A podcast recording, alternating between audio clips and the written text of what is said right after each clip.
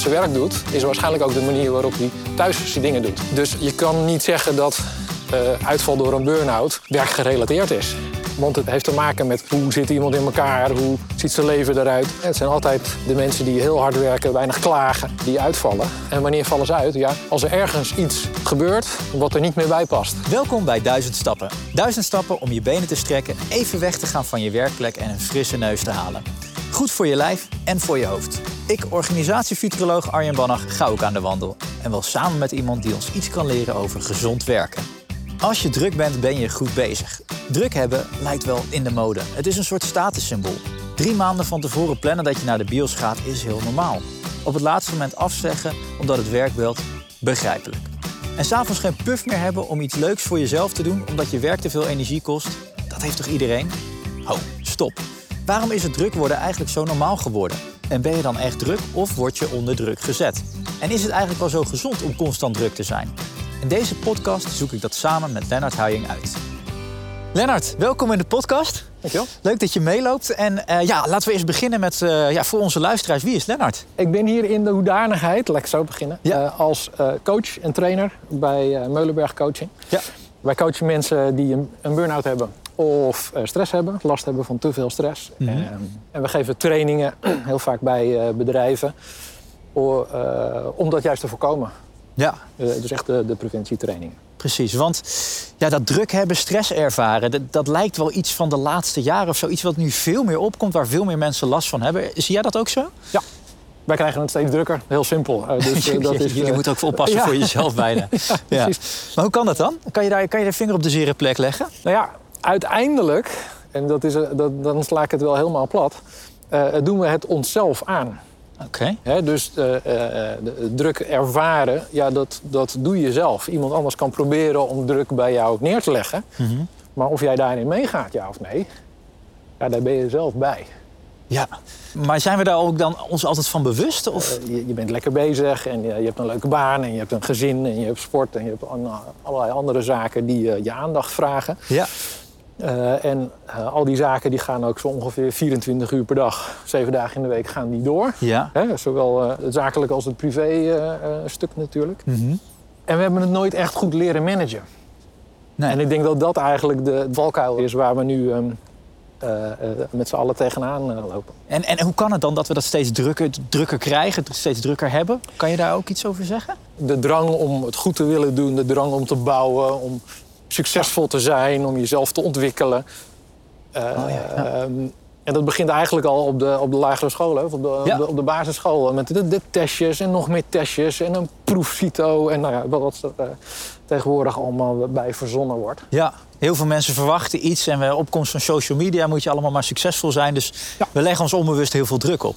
En waar ik wel benieuwd naar ben, Lennart, misschien kan je daar iets over zeggen. Want het tegenovergestelde daarvan is het rustig hebben, lekker niets doen. Maar dat lijkt bijna wel iets slechts te zijn of dat we daar schaamte voor hebben. Hoe zie jij dat? Ja, weet je, da- da- dat merk ik bij mezelf ook nog wel eens. Weet je. Ik, bedoel, ik help natuurlijk mensen die, die daar last van hebben. Ja. Maar wat ik net al even zei, ik heb het ook druk. Ja. En als ik dan even op de bank zit om even rust te nemen... Uh-huh.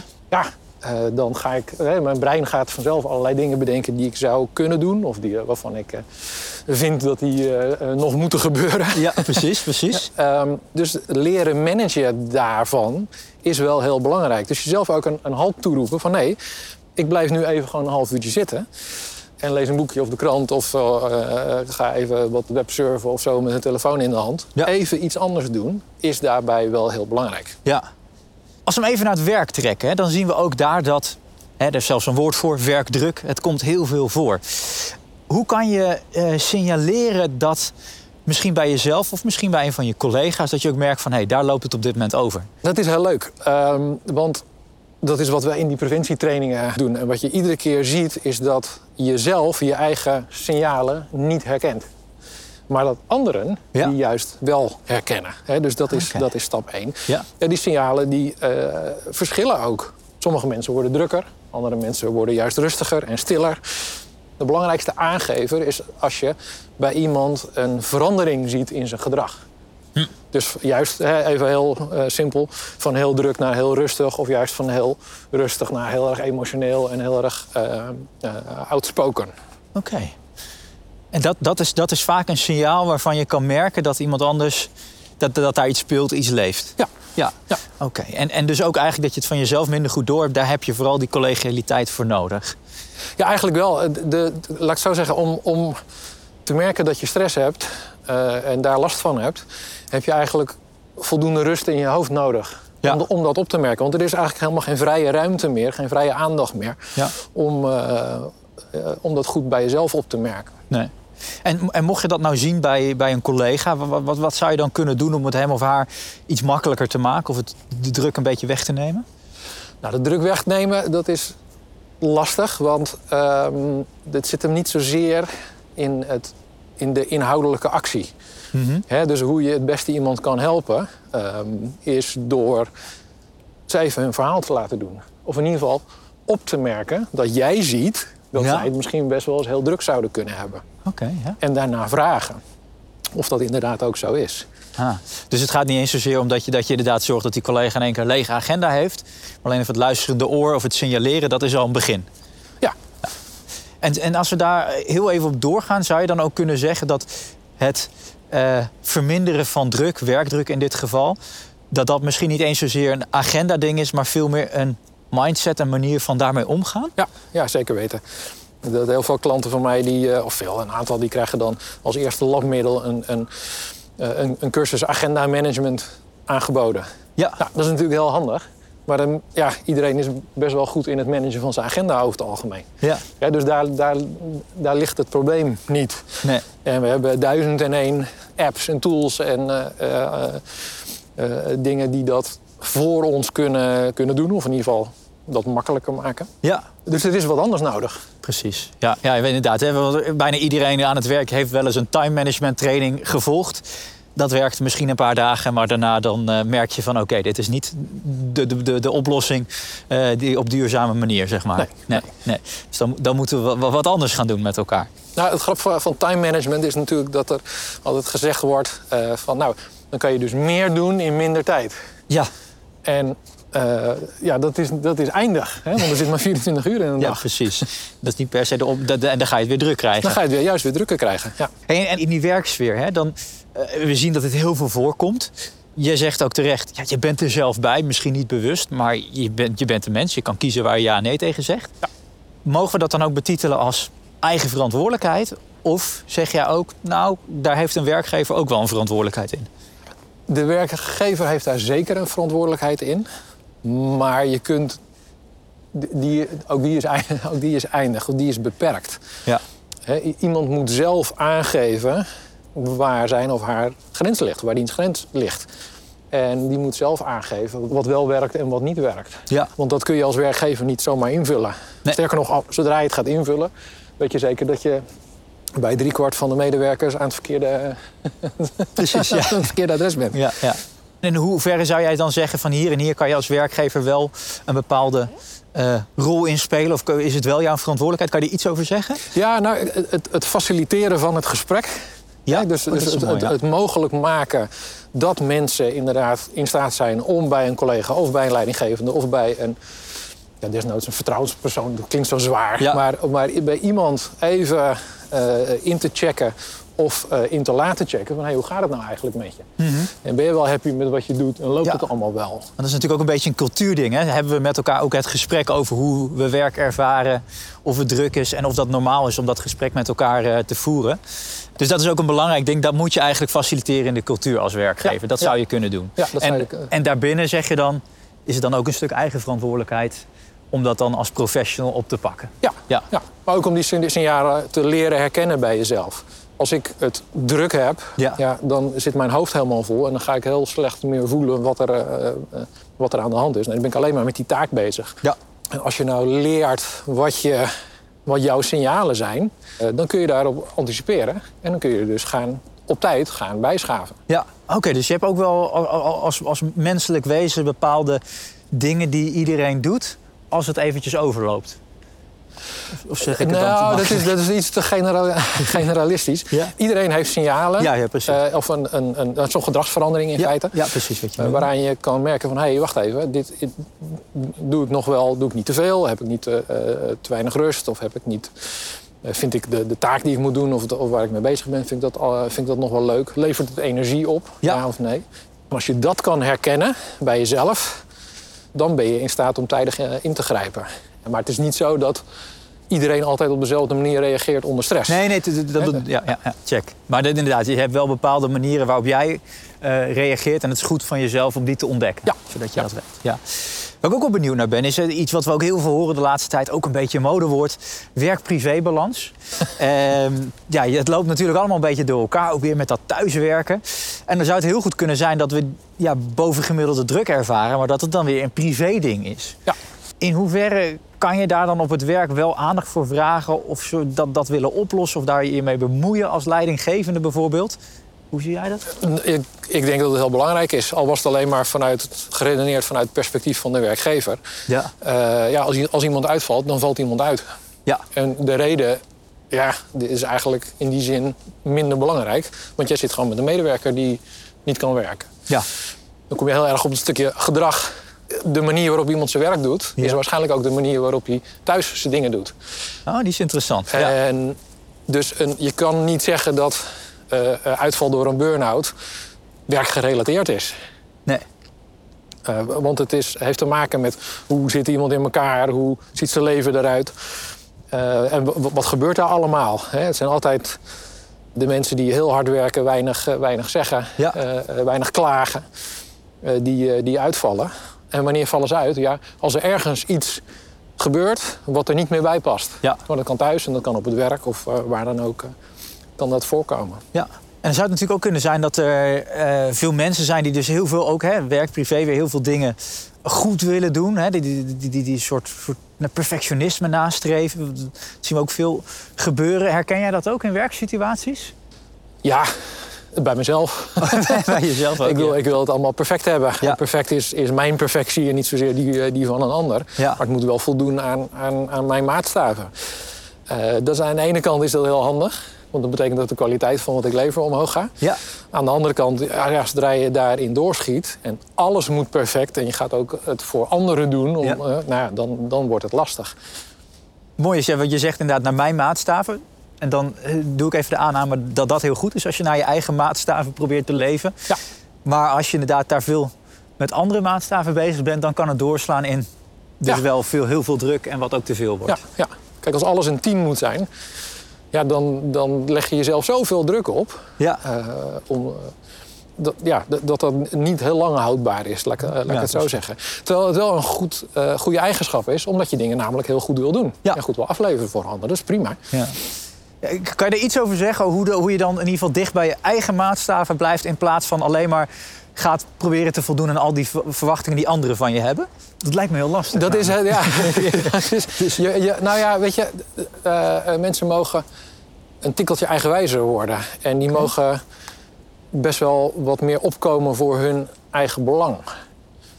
Ehm, hè, dus, dus, dan, hè, dus als je het dan hebt over het, die balans of de, de regie terugkrijgen. Ergens nee tegen zeggen Ja. eh, is eng of kan eng zijn. Ja. Want als jij nee tegen eh, eh, iets zegt, dan vindt iemand jou misschien wat minder aardig of die wordt boos of nou, verzin het. Ja. Dus je neemt daarin wel een bepaald risico, een sociaal risico. Ja. Mooi. Hè? Terwijl dat risico eigenlijk alleen maar in jouw hoofd bestaat. Want je hebt nog geen nee gezegd, namelijk je hebt geen idee wat de reactie gaat zijn. Ja. En, en dat is iets wat, wat ik de- wel vaker terugzie bij, eh, bij de mensen die je coacht. Dat de eerste keer nee zeggen levert heel veel stress op. Vooral in aanloop daar naartoe. Ja, zeker, want ik ga nu nee zeggen, dat, eh, dat weet ik al. Eh, en dan, nou, verhip, wat gebeurt er? De andere partij zegt, oh, oké, dan zoek ik wel iemand anders. Ja, precies. Dat zijn letterlijke voorbeelden. En dan blijkt opeens dat dat risico, wat jij dacht dat er was, dat dat er helemaal niet is. Of in ieder geval in veel mindere mate. En dan vul ik nu ook even in dat we denken dat ja, als we dan ja zeggen, dus we nemen weer een extra project aan, doen we er maar even bij vanuit ik wil het altijd goed doen en ik wil die betrokken collega zijn. Denk je, nou, dat, is, het even opgelost. Maar dan vul ik even in, als je dat te veel blijft doen en altijd maar ja blijft zeggen, uiteindelijk heb je jezelf er niet mee, maar ook je collega's, omdat je op een gegeven moment jezelf over de kop werkt. Ja, dat klopt. Ja. Het is in die zin echt een, een, een vicieuze cirkel. Het goede is dat wij mensen kunnen dat soort dingen heel lang volhouden. Ja. We zijn best wel sterk en we kunnen, kunnen eh, een hoop hebben. Maar op een gegeven moment niet meer.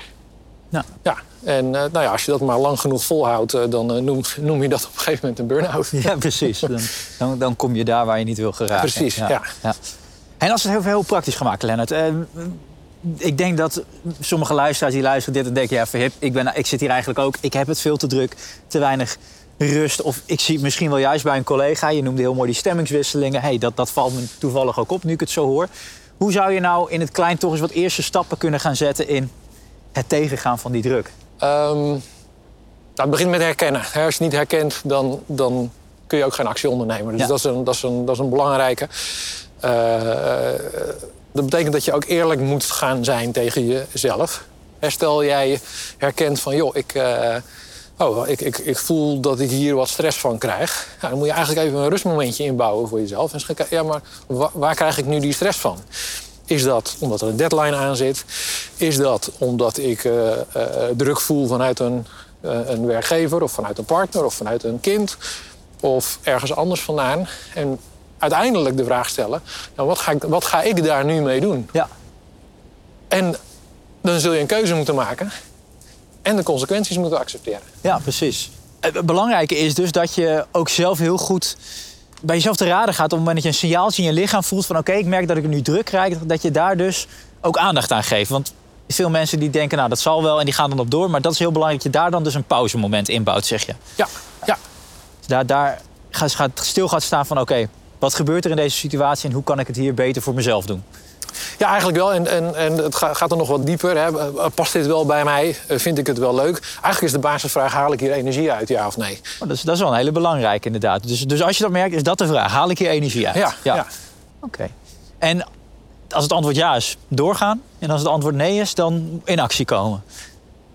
Ja, of misschien moet je juist niet in actie komen als het antwoord nee, Ja, precies. Als het antwoord nee is. Ja. Oké, dus dat is, dat is een hele belangrijke. En bij je collega dan, hè, want dat is ook een belangrijke die we even aan hebben gehad. Je ziet het zelf minder, maar bij een collega wel. Hoe zou je dat dan kunnen doen? Je moet zorgen dat daar, en, en dat kun je niet alleen, dat het, dat het veilig is. Eh, zeker als leidinggevende, hoe een bedrijf daarmee omgaat en hoe jij als leidinggevende daarmee omgaat, eh, is wel, eh, is wel heel, eh, heel belangrijk. Ja. Eh, en, maar, maar verwacht ook vooral niet dat jij als leidinggevende al die problemen moet gaan zitten signaleren of eh, oplossen. Want misschien heb ik wel een uitstekende relatie met een andere collega Ja. waar ik prima mijn verhaal kwijt kan. Of waarbij de connectie veel beter is en waarbij het voor mij dus veel veiliger is. Ja. Om te zeggen van nou ja, ik heb het wel heel druk en ik vind dit niet leuk en dat loopt niet. Mooi.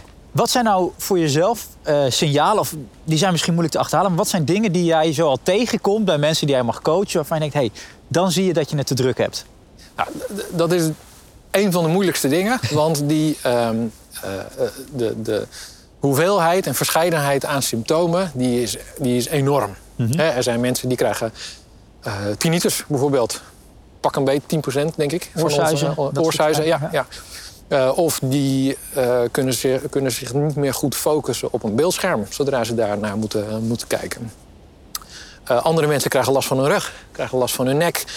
Nou goed, hè, de- dat herken je wel, dat iemand roept... ja, mijn schouders zitten helemaal vast. Ja. Ja, dat is waarschijnlijk niet omdat ze heel hard gesport hebben. Dat is waarschijnlijk omdat ze heel erg hard ergens anders mee bezig zijn, Ja. zijn geweest. Als iemand bij, zich bij ons aanmeldt voor coaching... of in ieder geval contact opneemt... is een van de eerste vragen die we stellen... ben je al bij de huisarts geweest? Mhm. Want er kunnen ook gewoon hele legitieme fysieke aandoeningen liggen... eh, aan wat jij als symptoom eh, eh, ervaart. Oké, dus het, het is goed, goed denk ik ook voor de luisteraar om dat te beseffen... dat dat soort dingen die net even buiten het normale vallen in het lichamelijk functioneren... dat dat ook zomaar een symptoom zou kunnen zijn van... hé, hey, er gaat Ja. even iets de verkeerde kant Ja. op op het werk. Ja, en als ze, als ze meer willen weten, we hebben een heel boek gemaakt met eigenlijk een heel groot overzicht met allerlei symptomen en soorten eh, symptomen. Ja, Eh, waarbij de allerbelangrijkste disclaimer nog steeds is: ga naar je huisarts. Ja, ja, Hè, want dat is, eh, die, die moeten we zeker niet vergeten. Maar dit is een e-book, staat op onze website, kun je zo downloaden. leuk. Gaan we ook een linkje doen bij de show notes. Ja.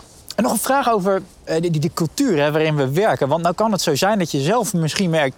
dit is niet helemaal de juiste manier. Maar dat die cultuur toch van het, waar je werkt, van het bedrijf vraagt... van ja, werk maar 40, misschien wel 50, soms 60 uur per week.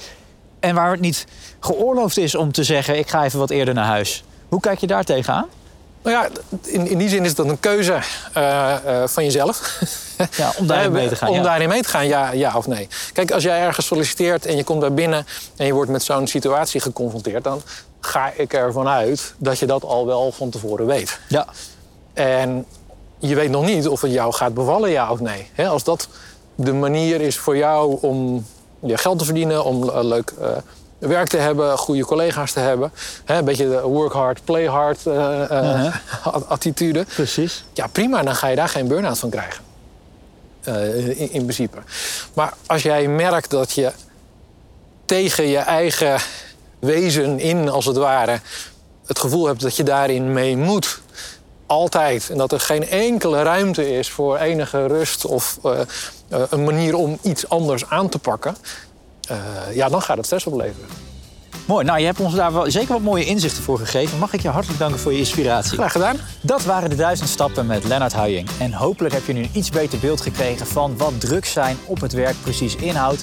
Hoe je dat bij jezelf of vooral ook bij je collega's kan signaleren. Heb je met ons meegelopen? Complimenten. En wil je nou nog meer inspiratie? Ga dan naar zk.nl/zakelijk.